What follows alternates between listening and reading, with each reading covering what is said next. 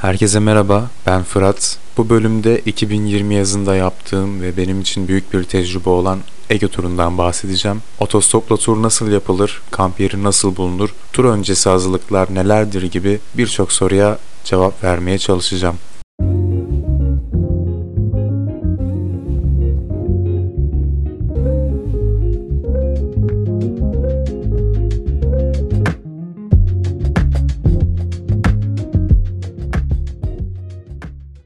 Yola çıkmadan önce sadece kamp ve otostopla ilerlemeyi düşünüyordum ancak kısa bir süre bu konseptten ayrılmak durumunda kaldım. Ancak turun %80'ini otostop ve kampla tamamladığımı söyleyebilirim. Tur toplamda 44 gün sürdü. İstanbul'dan başlayarak Bursa üzerinden Ege'ye bağlandım ve Akdeniz'e geçmeden Köyceğiz'de turu bitirdim. Konakladığım yerlerde ortalama 2-3 gün civarı kaldım. Çanakkale'den Ayvalık'a geçerken minibüs kullandım ve Edremit'ten İzmir'e geçerken otobüs kullandım. Bunlar haricinde sadece otostopla devam ettim. Kalacak yere gelirsek turun büyük bir çoğunluğunda kamp attım bunun dışında Altınoluk'ta 3 günlüğüne kız arkadaşımın yazlığında kaldım. Zeytinli'de ve İzmir'de koç buldum ve ortalama yine 2-3 gün koç evinde kaldım. Koç nedir diye soracak olursanız gezginler için evini açan, belli bir süre evinde konaklamasına izin veren kişilere koç denir. Ben Zeytinli'deki koçumu tur esnasında katıldığım bir kamp organizasyonundan bulmuştum. Bu arada en büyük detayı atladım. Ben tura sazımla çıktım. Sırtımda yaklaşık 20 kiloluk çanta ve elimde saz oldukça beni zorladı ama birçok fırsatı da beraberinde getirdi. Bu bahsettiğim kamp organizasyonu Interturkey tarafından düzenleniyordu. Tam benim güzergahıma geldiği için katılmak istedim ve birçok da gezgin arkadaş edindim oradan. Interturkey'in Facebook'ta birçok grubu var. İzmir'deki koçumu da bu gruplardan birinde buldum. Tabi internet üzerinden koç bulmak kolay bir işlem değil. Interturkey grubunun birçok etkinliğine, organizasyonuna katılmak durumundasınız ki insanlar sizi tanıyabilsin ve bu şekilde açtığınız post altında size referans olabilsin. Benim en büyük şansım bu yönde oldu. Katıldığım sadece bir organizasyonda oldukça fazla referans edinebilmiştim. Bunda da yanımda getirdiğim bağlamanın oldukça yararı oldu. Kamp akşamı birçok grup toplandı ve bağlamayla türküler söyledik. Böylelikle gruptaki birçok insan da beni tanımış oldu ve aynı zamanda da referansım oldular. Bu turun en büyük zevklerinden biri ise her gün istisnasız bir insan tanımam oldu. Tur boyunca karşılaştığım zorluklara karşı beni motive tutan birkaç şeyden biri de buydu. Tur boyunca gerçekten bunu iyi anlamış oldum. Yeni bir insan tanımak, yeni bir sohbete katılmak bana oldukça iyi gelen bir şeydi. Diğer motive eden şey ise kesinlikle sevdiklerimi aramaktı. Bunu daha çok otostop çekerken yapıyordum. Çünkü bazen 3-4 saati bulabiliyordu bir arabanın durması. 3-4 saat boyunca sürekli bir motor sesi duyduğunuzu düşünün. Bir süreden sonra gerçekten kafanız zonkluyor ve bir insan sesi duymak istiyorsunuz. Burada da hemen telefona sarılıp sevdiklerimi arıyordum. Ara sıra bunu yapmasaydım belki de ters yöne geçip İstanbul yönüne doğru otostop çekmeye başlayabilirdim. Bu beni çok ama çok motive eden bir şeydi. Turun en zor günü ilk günüydü. Çünkü 12'de final teslimim vardı ve ben tura bir gün daha geç çıkmak istemiyordum. İlk gün amacım Çanakkale'ye ulaşmaktı ama tabii ki öyle olmadı. Bursa'ya kadar gelebildim ve Bursa şehir merkezinde de hiçbir tanıdığım yok. Gidebileceğim hiçbir yer yok. Kamp nereye atılır hiçbir fikrim yok. Beni oldukça zorlamıştı ve başımdan birkaç kötü olay geçti. Bunun ilk gün olması da beni gerçekten yıpratmıştı. Bursa şehir merkezine geldiğimde ne yapacağımı bilmiyordum. Akşam 10 civarıydı. Kalacak yer bulmalıyım. Şehir merkezine asla kamp atamam. Çanakkale yönüne doğru bir yaklaşık 4-5 kilometre yürüdükten sonra sonunda bir arazi görebildim ve eski terk edilmiş bir benzin istasyonunun bahçesine kampımı attım ve böylece şehir merkezinde çadırla kalınmayacağını anlamış oldum. Hem otostop konusunda sıkıntı yaşıyorsunuz hem de o kadar betonarme içerisinde bir kamp yeri bulmak konusunda gerçekten zorlanıyorsunuz.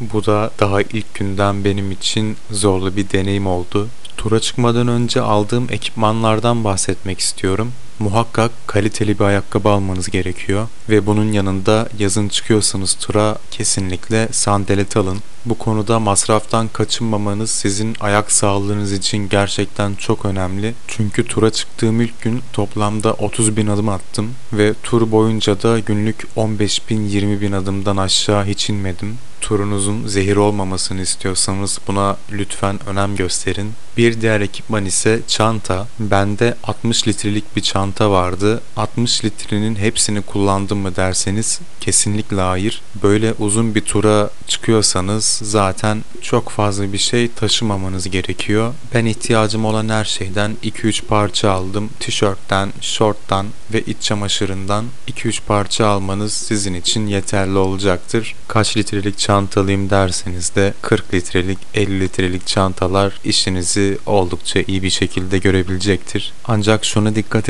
etmekte fayda var. Çoğu çantada çadırı bağlamak için bir perlon bulunmuyor. Bunu ayrıyetten sizin almanız gerekiyor. Çantayı alırken muhakkak bu perlonlardan da bir tane edinin. Bir diğer tur ekipmanımsa çadır. Diğer ekipmanların hangi marka model olduğunu söylemedim ama muhakkak çadırınkini söylemem gerekiyor. Çünkü ben gerçekten memnun kaldım bundan. Bahsettiğim çadır Quechua Arpenas Freshen Black 2. %99 oranında güneş ışınlarını geçirmiyor ve çadırın içerisi diğer çadırlara göre yazın 5-10 derece daha serin oluyor ve en büyük avantajlarından birisi ise iki yönde de kapısının olması. Çadır fermuarlarını açtığınız zaman zaten güneş geçirmiyor. Güneşin altında çadırın içerisinde gayet rahat bir şekilde yatabiliyorsunuz. Şimdi biraz kamp yerlerini nasıl bulduğumdan bahsedeyim. Şehir merkezlerinden koç bulmadığınız sürece muhakkak uzak durmanızı öneriyorum. Çünkü neredeyse tamamı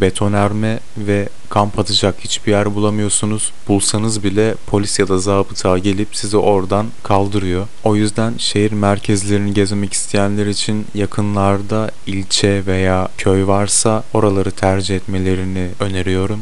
Ertesi günde rahat bir şekilde şehir merkezine ulaşıp istediğiniz yerleri gezebilirsiniz.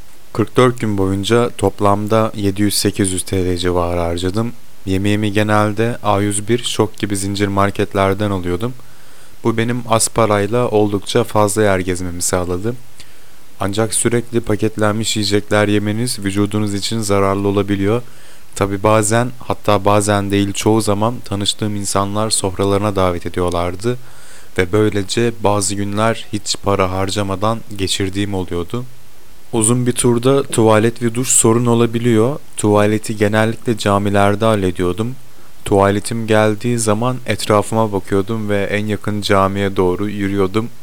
Ülkemizde 80 bin küsür cami olduğu için genellikle bir 2 kilometreden fazla yürümüyordum.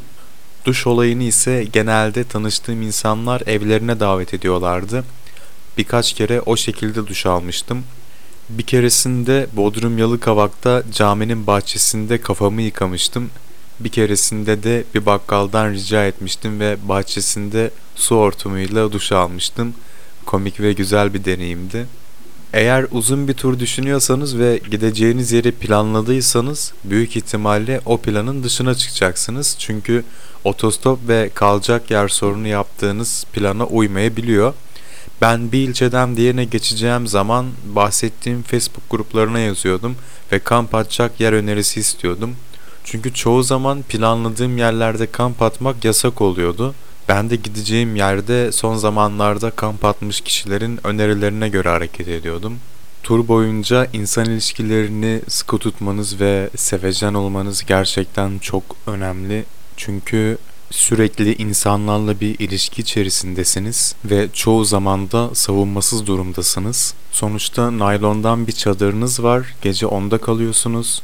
Yanınızda telefonunuz var, değerli eşyalarınız var ve en önemlisi de can güvenliğiniz çok az. Bazı durumlarda çok sabırlı olmanız gerekebiliyor. Karşınıza çok zor insanlar çıkabiliyor ve bu durumu iyi kontrol altına almanız gerekiyor. Bazen çok sinirlendiğim zamanlar oldu ama tur geneline baktığımız zaman bu durumu iyi yönettiğimi söyleyebilirim.